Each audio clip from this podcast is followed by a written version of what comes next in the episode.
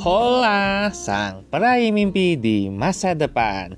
Gimana nih kabar kalian? Kembali lagi nih bersama saya Eleos Theophilus dalam podcast saya yang bernama What's on My Mind by IT.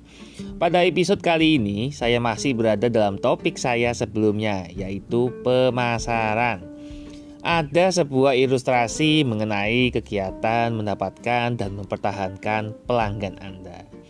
Berapa banyak ikan yang dapat eaters tangkap?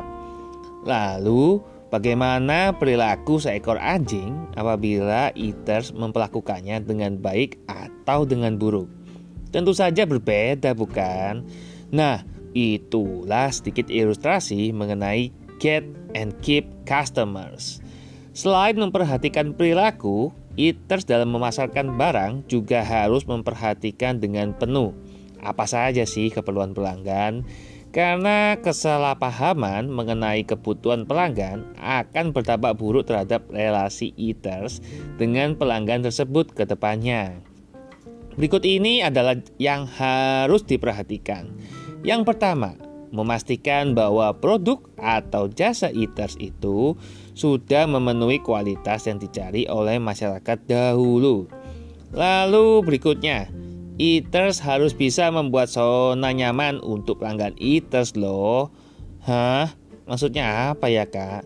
Jadi gini, apabila seorang pelanggan tersebut merasa nyaman bertransaksi dengan eaters, Tentunya hal tersebut mempengaruhi daya beli secara psikologis pelanggan eaters loh. Gimana? Menarik bukan?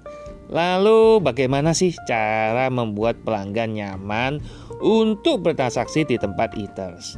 Apa saja sih yang mempengaruhi daya beli calon pelanggan eaters selain membuat mereka nyaman? Daripada eaters harus repot berpikir mengenai jawaban atas pertanyaan yang telah saya berikan, langsung aja klik link di bawah untuk masuk ke full version podcast saya ya. See ya eaters, God bless you.